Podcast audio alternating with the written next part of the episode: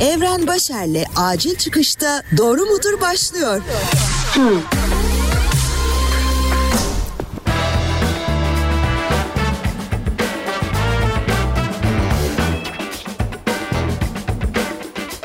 Selam sevgili dinleyen ben Evren Başar. Acil Çıkış Podcast'in muhabbetli, yalan yanlış, tamamen popodan uydurma bilgilerden yola çıkarak doğruyu bulmaya çalışan programı Doğru Mudur'u dinliyorsun. Bakalım bu bölümde kaç doğruya ulaşacağım? Acil Çıkış.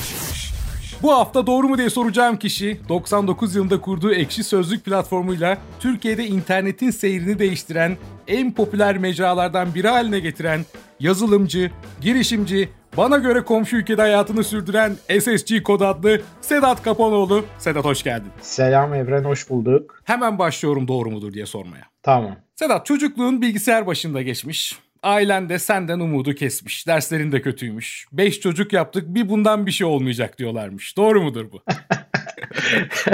e, e, tam doğru değil. Yani mesela çocukken e, çocukluğum bilgisayar başına geçmedi. yani bilgisayarla çok ilgiliydim ama bu e, çoğunlukla dışarıda top oynarken eve döndüğümde akşam bilgisayar başında gibi oluyordu. Yani o konuda sürekli bütün gün bilgisayar başında bir çocukluğum olmadı. Ailemin benden beklentisi evet yani 5. çocuk olunca artık seni salıyorlar. Bu kendi improvize takılsın diyorlar. Seninle ilgili planları olmuyor diğer ilk 4 çocuk kadar. O sayede benim için faydası da oldu diyebilirim aslında. Ailem beni rahat bıraktı, şey yapmadı, baskı kurmadı üstümde. Ben de ne istiyorsam onu yapabildim. Genelde böyle yazılımcılarda bir önyargı vardır ya okuldan gelir gelmez hemen bilgisayar başına koşar ama sen sokaklarda vakit geçirmeyi başardın galiba. Evet evet yani o biraz da şansım aslında. Yeni kuşak çocuklarda bunu görmek zor. Yani sokakta oynamak artık tercih edilmiyor haklı olarak ama Eskiden bizim oyun alanımız sokaklardı. Futbol maçları, oyunlar yani her şeyi yapıyorduk dışarıda. Sonra akşam terli terli eve gelip işte bilgisayar başında takılıyordum sonra. Öyleydi. Ailen yaptığın işlere nasıl tepki verdi ilerleyen zamanlarda? Hani salmıştık anlıyorum. Saldık güzel oldu falan dediler mi? ya e, ailem uzunca bir süre benim ne yaptığım e, e, yani ilk bilgisayar aldırdığımda babama ben bununla program yazacağım dediğimde babam böyle yav he he tarzı bir tepki vermişti. Çünkü o dönem çocuklar bilgisayar aldırırken e, program yazacağım, derslerime çalışacağım falan tarzı tepki verirlerdi. Benim de öyle bir şey olacağımı düşünüyorlardı ama ben gerçekten program yazmak için istemiştim bilgisayarı ve o yüzden kendimi o konuda geliştirdim. Ailemin bunun iyi bir şey olduğuna uyanması benim 95 yılında Altın Disket programlama yarışmasını Microsoft ve PC World dergisinin düzenlediği altın disket programlama yarışmasında birincilik almam sonrası oldu. Ha bu çocuk boş değilmiş ya diye. Öyle sevindiler yani sağ olsunlar. E, ondan sonra zaten e, ekmeğimi yazılımdan çıkarttığımı görünce e, beni o konuda komple bıraktılar ve e, yani ne yaptığımı tam olarak güvenir oldular. Gelelim lise üniversite yıllarına. Okul yıllarında kadınlarla aram pek iyi değilmiş. Çoğu zamanını yalnız geçiyormuş. Doğru mu? Ee, yani e, şöyle aram iyi değilden ziyade daha şu uzak durmayı tercih ediyordum. Kendimi çok cool buluyordum. Böyle çok şey yapıyordum. E, ya ne şimdi ne kızı ya falan tarzı konuşuyordum. Yani öyle bir tutumum vardı. Ama insanlardan uzak genel o tarz bir yaklaşımım yoktu. Yani e, yine çok sosyaldim. E, arkadaş çevrem vardı. Ama öyle e, ciddi bir ilişkim olmadı okul dönemi. Doğru liseden mezun olana kadar öyle bir şey yaşamadım. Peki Ekşi popüler olduktan sonra telefonların hiç susmamış. Politikacılar, ünlüler durmadan seni aramaya başlamışlar. Ya Sedat şu hakkımda yazılanları bir kaldırsana diyorlarmış. Sen de yeter lan diyerek yönetimi bırakıp Amerika'ya taşınmışsın doğru mu? yani e, şimdi benim taşı ilk Amerika'ya taşınmam 2004 yılı ve o zamana kadar tabii daha ilk senesinden ekşi sözlükte yazılanlarla ilgili tepkiler gelmeye başlamıştı ilk köşe yazısı çıktığında sanırım rahmetli Arda Uskan e, bir köşe yazısı yazmıştı. Melih Gökçek'ten Lolita'ya diye bir o tarz başlıklı bir yazıydı. Ondan sonra insanlar arasında popüler oldu. Ünlüler keşfetti. Benim hakkımda nasıl benim iznim olmadan bir şeyler yazarsınız diyenler oldu. Bu evet yani bu gitgide de arttı. Sonunda davalara dönüştü. Sürekli davalarla uğraştık. Savcılıklara ifadeler vesaire. Evet bu yani sürekli artan şiddette oldu ama açıkçası siyasetçilerden çok oldu diyemem. En çok akademisyenlerden oldu bize tepki. Yani benim hakkımda böyle nasıl yazılabilir? O böyle bir şey olamaz. Yani siyasi sanırım akademisyenlerin en büyük şeyi o e, belirgin karakteristiği kendileri başka bir dünyada yaşıyorlar. Başka fizik kurallarına tabi ve e, orada onlara kimse bir şey diyemiyor. Böyle çok katı bir hiyerarşi var ve o yüzden kesinlikle hiçbir eleştiriye katlanamıyorlar. Öyle bir durum var sanırım. Peki hiç bu da aramaz lan dediğim biri aradı mı? Aa, Ulaştım yani ya diyeyim. E, ofisi Şafak Sezer basmıştı bir seferinde. Yani yani film oynadığı filmlerden mi etkilenmiş? Yani evet ya o dönem haberler çıkmıştı Şafak Sezer hakkında. Figüranlarını dövdürüyormuş falan tarzı. Biri de sözlüğe yazmış bunu hakkındaki haberleri. O da nasıl benim hakkımdaki haberleri yazarsınız diye klasik. Bizim e, plazanın yani bir güvenlikli bir plaza da şirket. Plazanın güvenliğine gelmişti ve ben bir aşağı inmeden kesinlikle buradan gitmiyorum diye orada kalmış, oturmuş, beklemiş falan. Sonra bir arkadaşımızı aşağı yolladık. Demiş işte bakın ben e, bu sefer bir medeni insan gibi konuşmaya geldim. Yani farklı olarak. işte yani şikayetini anlatmış falan. Sonra biri onu dinleyince sakinleşmiş gitmiş. Yani bir şey de yapmadık aslında. Sadece inip konuştuk. Bazı demek ki ünlülerin buna ihtiyacı var. Biraz konuşmaya, ilgiye, şefkate. Galiba bu insanların artık dinlenilmeye ihtiyacı var belki de biraz. Hani ben YouTube'da evet, da doğru. aktif olarak çalışıyorum. Mesela hakaret yazan insanlara altına yorum yazdığında senin insan olduğunu fark edip özür dileyip siliyorlar. Aa doğru.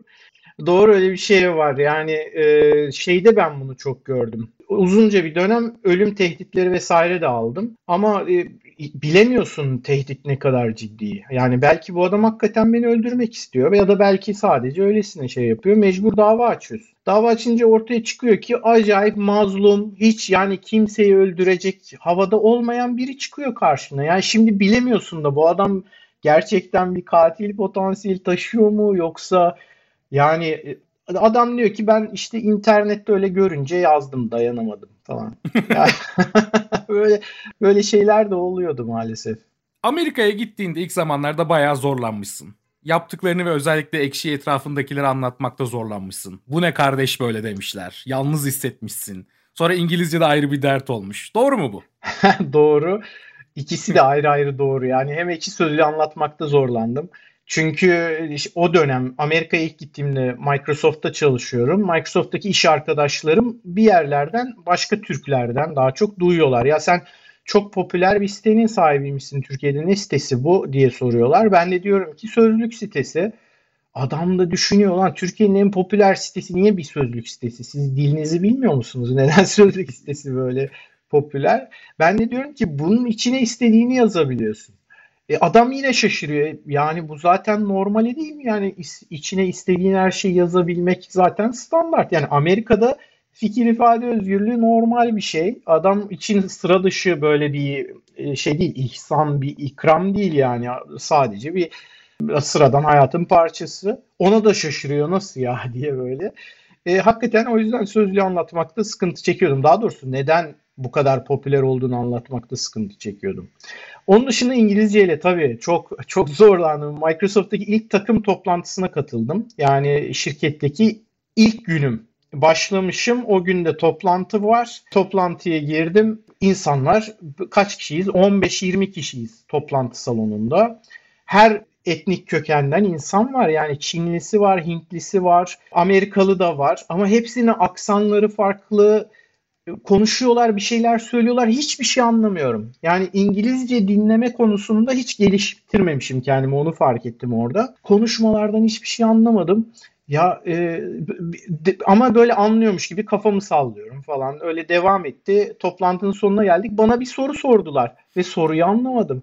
Ama anlamadığımı da kendime yediremedim. O soruya yes diye cevap verdim.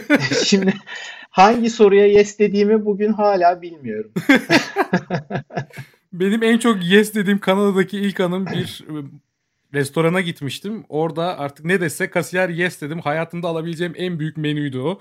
Yani yes diye diye. Şimdi insanlar ben Kanada'da yaşadığım için ve Kanada Geyikleri diye bir YouTube kanalımız da var ve orada işte insanlar soru soruyorlar bize. Doğal olarak bir Kuzey Amerika kıtasında bir cennet algısı var. Yani oraya giden götü kurtarıyor. Artık orada her şey süper. Sanki girer girmez 10 bin doları cebine veriyorlarmış gibi bir hissiyat oluştu. Tabii bu işte araba fiyatları ucuz, bazı şeyler ucuz. Hani tabii ki konuşma özgürlüğün var gibi noktalar olunca insanlar bunları kıyaslıyor. Ve sanki her şeyi bir anda satın alıyor, alabiliyormuşuz gibi oluyor. Sana, senin de başına daha çok bu şekilde sorular geliyordur. Söylüyorlardır diye tahmin ediyorum. Amerika bir cennet değil değil mi?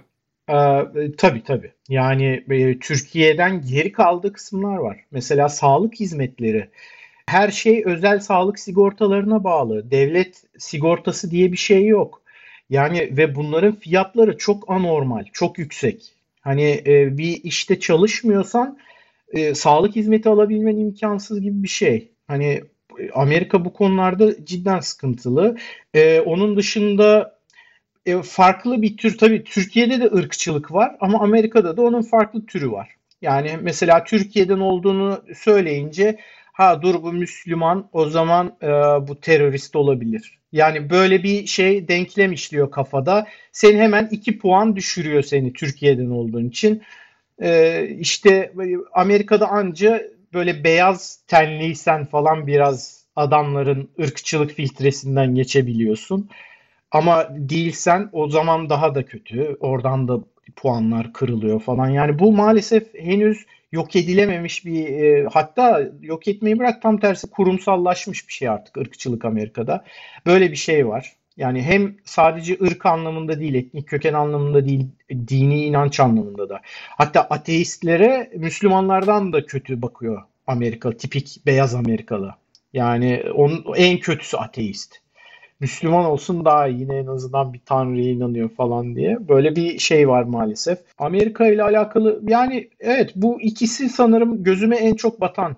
Yani Amerika'nın neden e, aslında çok ideal olmayabileceği. Ayrıca çok bireyselci. Yani biz mesela e, şeyizdir. Dayanışmayı severiz işte hani e, zorda kalan insanlar birbirine yardımcı olur Türkiye'de.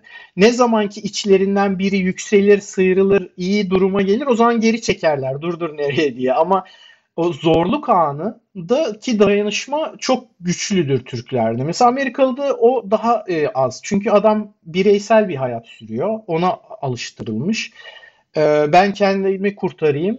E, diğerlerine ne olursa olsun anlayışı da hakim. Bu iyi yanı da var. Kimse senin hayatına karışmıyor bu sayede. Kötü yanı da e,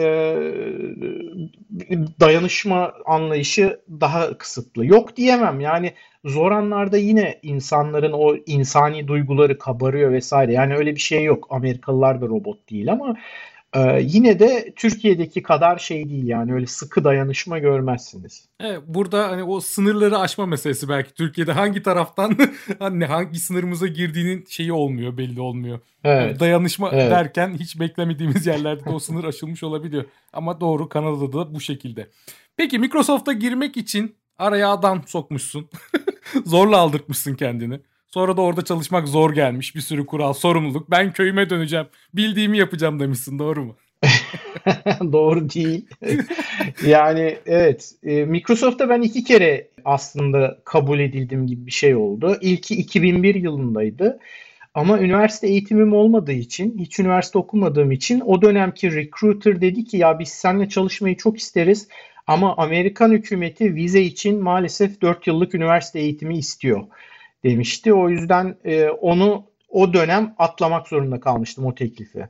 Daha sonra 2004 yılında yine aynı problemle karşılaştım. Yani interview'ları geçtim. 2004 yılında avukatlar devreye girdi Microsoft'un avukatları. Dediler ki işte şey senin vize işlerini halledeceğiz bize diplomanı yolla. Ne diploması dedim öyle bir şey yok.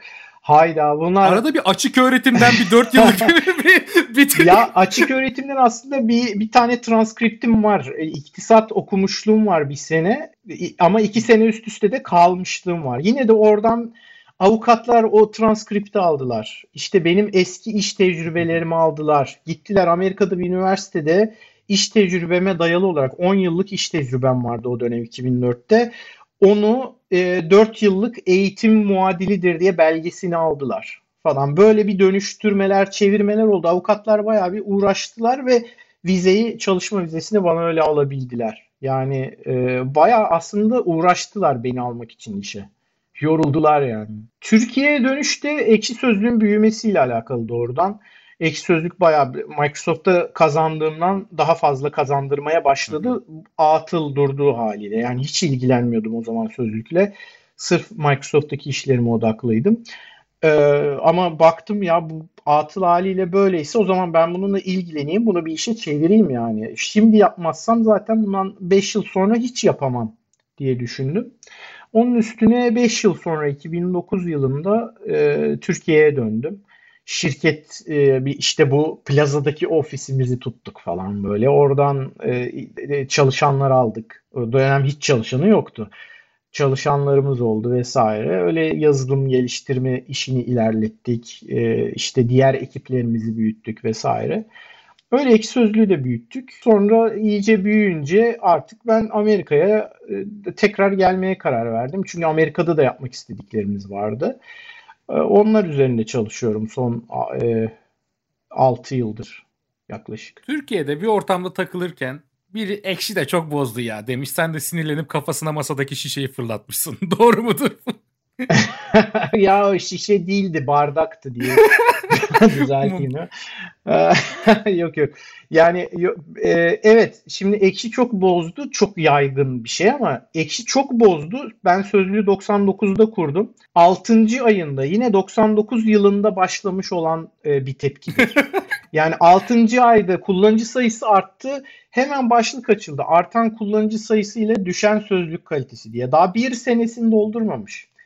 O yüzden e, bu bir sosyal fenomen. Yani bir yer kalabalıklaştıkça bir kalitesi evet düşüyor. Yani çünkü kalabalığın ortalamasına yakınsıyor kalitede bir noktada. İki, e, oraya alışmış, benimsemiş kullanıcılar yeni gelenlerden rahatsız oluyor. Çünkü yaşam alanlarını e, ihlal edilmiş görüyorlar. Yani şey gibi ya burası da çok göç aldı. Her ipini koparan buraya geliyor diyenler gibi. Yani 20 yıl önce biz... Kanada'ya göç etmiş Türk yorumu bu. aynen aynen. Ne, ne 20 yılı biz geldik Amerika'ya eşimle birlikte e, birinci seneden sonra bunu demeye başladık. bu ne karşı ipini koparan geliyor diye yani o çok doğal bir refleks, insani bir refleks. Bu sosyal mecralarda da var aynısı. Yani böyle bir anda çok kalabalıklaşınca kendi öneminin azaldığını da hissediyorsun. Erişiminin gürültüyle bastırıldığını düşünüyorsun. Yani hep bu tarz rahatsızlıklar yüzünden insanlar istemiyor. Yeni insan gelsin istemiyor. Gelse de çok azar azar yani tek tek baksın, seçsin, beğensin. Öyle gelsin istiyor. Öbürü onlar için çok rahatsız edici bulunuyor. Ya farklı yorumlardan çok şeye de son zamanlarda takıldığını görüyorum. Hani ben de bir kullanıcı olarak söylüyorum. Başlıklardaki cinsiyetçi yorumların artması üzerine daha çok kadın mevzusu üzerine dönen başlıklar var. Bunların engellenmemesi ya da nasıl buna bunların artması üzerine daha çok konuşuluyor diye görüyorum. Ee, evet evet yani bu da yaygın bir tepki haklı bir tepki ama e, problem bu bizim denetim eksikliğimiz değil. Yani biz zaten şu anda Türkiye Cumhuriyeti yasalarının daha ötesinde bir denenim, denetim anlayışı e, benimsedik. Yani ekşi sözlük şu anda e, hali hazırdaki mesela e, kanunlarda olmayan e, nefret söylemi kategorilerini de kapsayan bir denetim uyguluyor zaten. Ama e, toplumun neye dönüştüğü burada daha çok belirleyici. Çünkü ne yaparsanız yapın toplumun değişiminin önüne geçemiyorsunuz. Toplum bir yöne evriliyor ve siz de onu mecburen takip etmek zorunda kalıyorsunuz peşinden koşarak. Ama denetimle bunu değiştirmek mümkün değil. Bu kültürel bir dönüşüm. Yani seksizm toplumda da e, şu anda fokurdayan bir problem. Fokurduyor deme sebebim e, aynı zamanda tepkileri de büyüyor. Yani seksizme karşı tepki de büyüyor. E, ama e, seksizmin sesi de çok çıkıyor yeni sosyal medya dinamikleri yüzünden. E, birbirleriyle çatışıyorlar. Haliyle şimdi daha çok göz önünde ve daha çok tepki topluyor. E, bu aslında iyi bir şey. Yani bir noktada bunu aşabileceğimizi umuyorum. Yani cinsiyetçilikten de uzaklaşacağız zamanla. Çünkü e, sosyal oluşumlar hep birbirini besliyor, eğitiyor. Yani kavga ettiğin adamdan bile bir şey öğreniyorsun her zaman. e, sen reddediyorsun öğrendiğini kabul etmek istemiyorsun ama öğreniyorsun. Yani bunu biz genelde bloklarız sonunda adamın sinir oluruz sosyal medyada ama aslında ondan bir şey öğrenmiş oluruz arada. O yüzden bunun devamlılığı yani bu iki kesimin birbiriyle etkileşimin devamlılığı bunu illaki bir noktada böyle güzel bir e, seviyeye çekecektir diye düşünüyorum. Süper. Aşırı hırslı bir insanmışsın. İşin konusunda önüne geleni devirirmişsin. Yemişin maneviyatı, yaşasın maddiyat diyerek hareket ediyormuşsun. Doğru mu?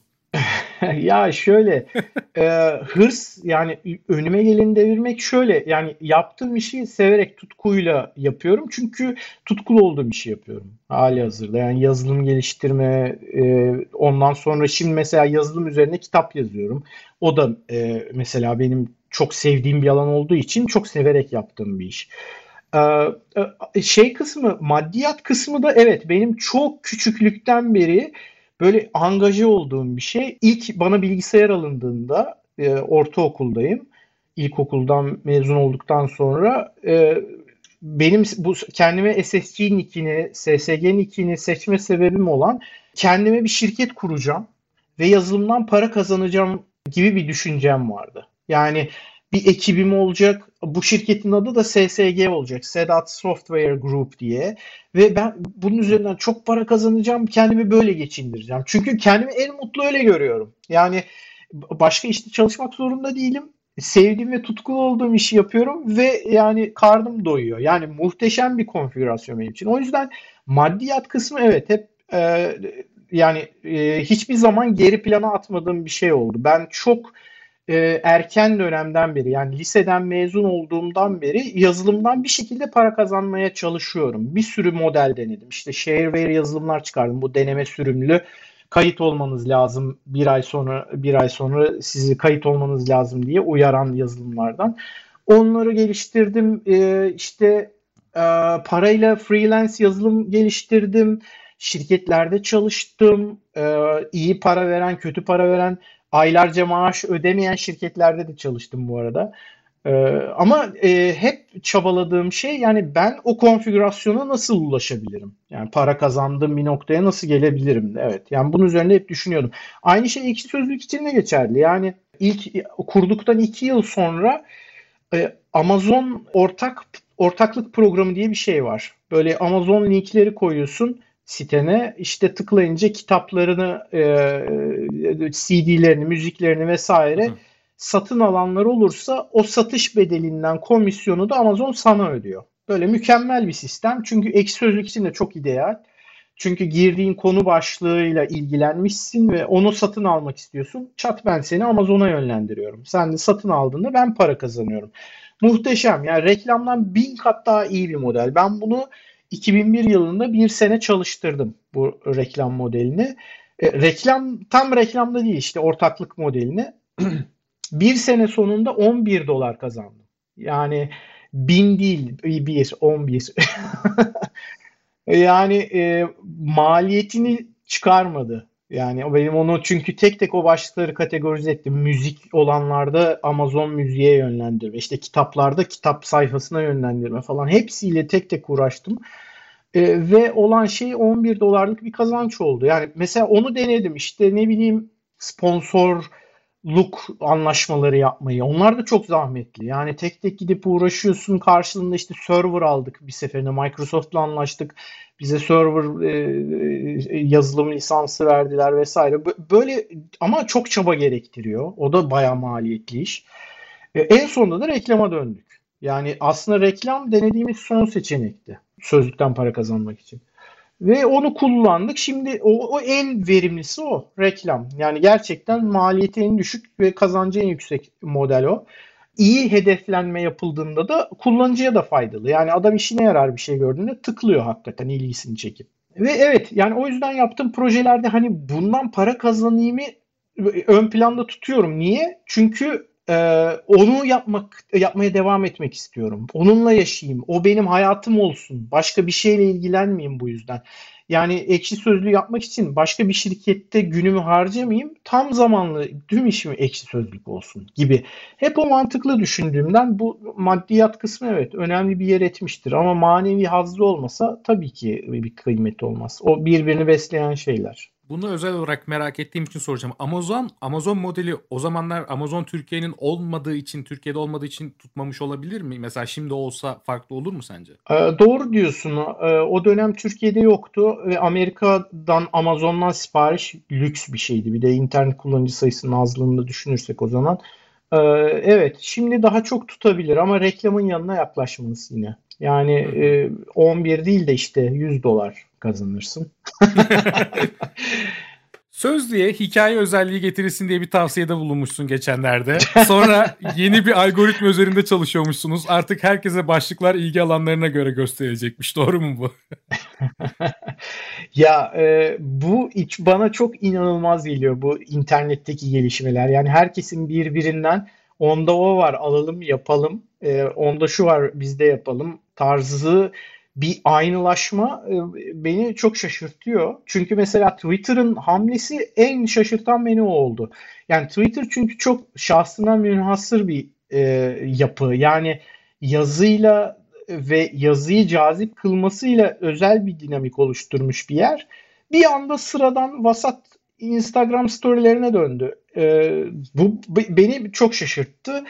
E, bir de daha önemlisi bu tarz yani e, ayrıştırıcı kullanıcıları bu tarz fanuslara sürükleyen özellikleri ben desteklemiyorum. Yani Twitter bir arada etkileşimiyle kıymetli. Mesela Ekşi Sözlük de öyle. Yani insanların birbiriyle etkileşimi orada kıymetli olan bireysel içerik paylaşımı değil.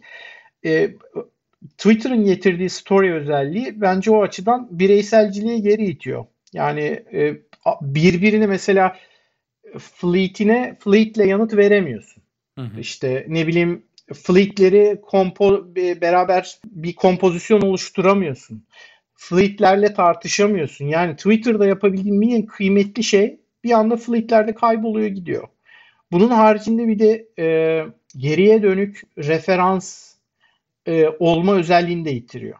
Mesela sosyal medya zaten şelale gibi akan bir şey. Yani geriye dönük e, aradığını bulmaya ümidin zaten az. Bir de bunlar 24 saat sonra siliniyor. İyice komple yok oluyor. Tabii bunun tercih edilebilir tarafları da var. Yani kullanıcı tercih edebilir bunu. Çünkü geçmişteki e, paylaşımlarının tekrar su yüzüne çıkmasını istemeyebilir. Yani böyle bir ihtimal var ama bir de öbür tarafta da kıymet var. Yani bir referans teşkil etmek de bir kıymet. Ben ekşi sözlüğün kıymetlerinden birinde bu olduğunu düşünüyorum. Referans oluşturmak, insanları bir arada tutmak, etkileşim içinde tutmak. Yani hatta Twitter'dan bile iyi bu konuda. Çünkü karşıt siyasi görüşler aynı havuzda tartışıyorlar.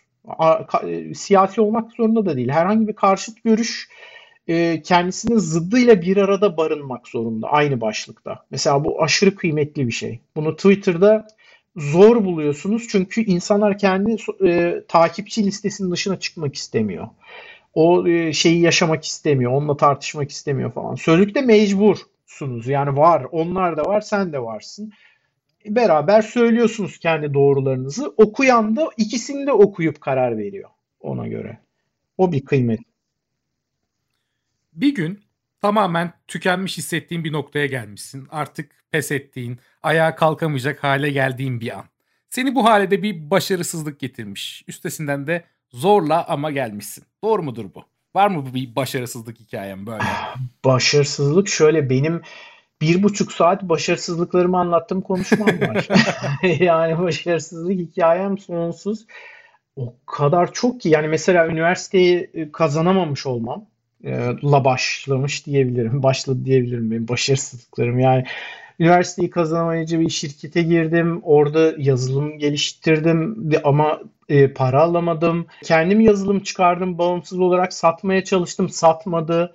Bu yazılımların hiçbiri doğru dürüst. Yani toplam yine 50 dolar belki para kazanmışımdır yani yaptığım bütün o yazılımlardan. İşte İstanbul'a gittim. İstanbul'daki şirketten yine maaşımı alamadım. Aylarca işte sonra e, o, maaşım olmadığı için can sıkıntısından ek sözlüğü yaptım zaten. Ya çünkü iş yapmıyorum, çalışmıyorum artık 6 ay sonra. Boş boş oturacağım şunu yapayım deyip yapıyorum. Şöyle benim zaten genel olarak hani başarısızlığa bakış açım o zaman yeni bir şeyler denemek lazım şeklinde. Yani bu olmadı. Tamam demek ki yeni bir şeyler deneme vakti. Yani e, yaklaşım hep oldu. Başarısızlıktan demotive olmadım hiç. Çünkü bir şeyler deniyor olmak zaten heyecan verici. Başarısız olduğunu görmek bile heyecan verici. Çünkü bir ilerleme hissi geliyor insana. Yani bir sürtünme bile olsa bu oradan kendini bir noktada bir konumda hissediyorsun. Hangi konumda olduğunu tespit edebiliyorsun. E, klasik olarak başarısızlıkların toplamı bugün bizi getirdiği yer aslında. Hani üniversite okumamış birçok başarılı insan var ve daha çok özellikle bu sektörde çalışan insan var. Örnekler de hep bu konudan gelir. Demek ki üniversite okumak o kadar başarısızlık değil eğer devam ediyorsan yoluna. Ya tabii yani eğer benim gibi tutku beslediğim bir konuysa muhakkak. Yani kesinlikle başarısızlık da üniversite okumamış olmak vesaire bunların hiçbiri engel değil önünde. Ama üniversite okumak faydalı bir şey. Yani üniversitede sana çok daha hazır tanımlı bir süreçten eğitim veriyorlar. Ee, çok daha hızlı kendini bir noktaya getirebiliyorsun. Ben neyi öğreneceğimi bile keşfetmek zorundaydım. Yani neyi öğrenmem lazımı öğrenmem gerekti en başta. O yüzden e, daha çok vakit ayırmam gerekti. Daha yoruldum ama sonuçta e, Microsoft'ta yazılım mühendisi olarak çalıştım. Hiçbir üniversite derecem olmamasına rağmen. Ya bazen ben en azından kendimden örnek vereyim dinleyenler için. Hani meslek lisesi çıkışlı olduğum için hep gıda ve turizm üzerine çalışmak zorunda kaldım ama Anadolu Üniversitesi'ne gidince o ortamı görünce Eskişehir'de okuyunca Radyo A ile tanışmam, radyo programcılığı kariyerimde üniversite sayesinde başladı. Büyük ihtimalle Antalya'da garsonluktan otel müdürlüğüne yükselen bir kariyerim de olabilirdi. Okulun yolunda gitseydim eğer. evet. Ya, evet, Eskişehir'in radyoları meşhurdur. Ee, Beyazıt Öztürk de evet. oradan çıkma Eskişehir. O zamanlar yani ben Eskişehir'deyken radyoda onu dinliyorduk. Ben, ben şaşırdım. Birçok e, sektördeki radyo programcısı radyoya çıkışlı hem de çoğunun radyo televizyonla alakası yok. Yani radyo televizyon okumuş bir radyo programcısına rastlamadım henüz. Bu şekilde ya işletme işte ya benim gibi turizm. Değişik. doğru, doğru. E, tabii yani bu bu önemli aslında. Özellikle mesela lisede, ortaokulda olan gençler için bu perspektifi görmeleri önemli. Çünkü genelde hayat hayatı e, onlara böyle bir formülü varmış gibi sunuyorlar. Yani bak sen şimdi buradan şu sınava gireceksin, şu üniversiteye gideceksin, mezun olacaksın, diplomanla bu işi bulacaksın falan filan ve diğer bütün alternatifler şey gibi sunuluyor. Mahvolursun, ölürsün, seni oto tamirciye çırak veririz falan. Yani böyle e, sürekli bir baskı var üstlerinde. Yani ve o yüzden de gençlerin şeyi görmesi önemli. Yani gitmezsem de başka bir şey yapabilirim. Ya da o mesleği bile üniversiteye gitmeden yapabilirim. Yani bunlar önemli perspektifler. Yani ayrıca oto tamircisi çırağı olmakta da bir sıkıntı yok. Yani o da bir şey, ihtimal. Ama yani, yani Kanada'da nasıl para kazandık hani ben Kuzey tabii Amerika'da canım, çok büyük tabii ihtiyaç. Tabii ki Amerika'da da öyle. Yani emek isteyen her şey çok pahalı Amerika'da. Ee, ne olursa olsun bu. Yani o yüzden mesela plumber olmak yani şey tesisatçı olmak uf aşırı iyi bir iş Amerika'da. Çünkü yok da yani çok da yok. Böyle iyi tesisatçı buldun mu kimseye söylemiyorsun. Çünkü o aman e, şey sonra randevu alamam ihtiyacım olduğunda gelemez diye yoğun olmasın diye kendine saklıyorsun tesisatçını falan. Yani çok emek burada çok kıymetli. Çok teşekkür ederim Sedat konuk olduğun için bugün acil çıkışa. Ben teşekkür ederim Evren. Sağ olasın.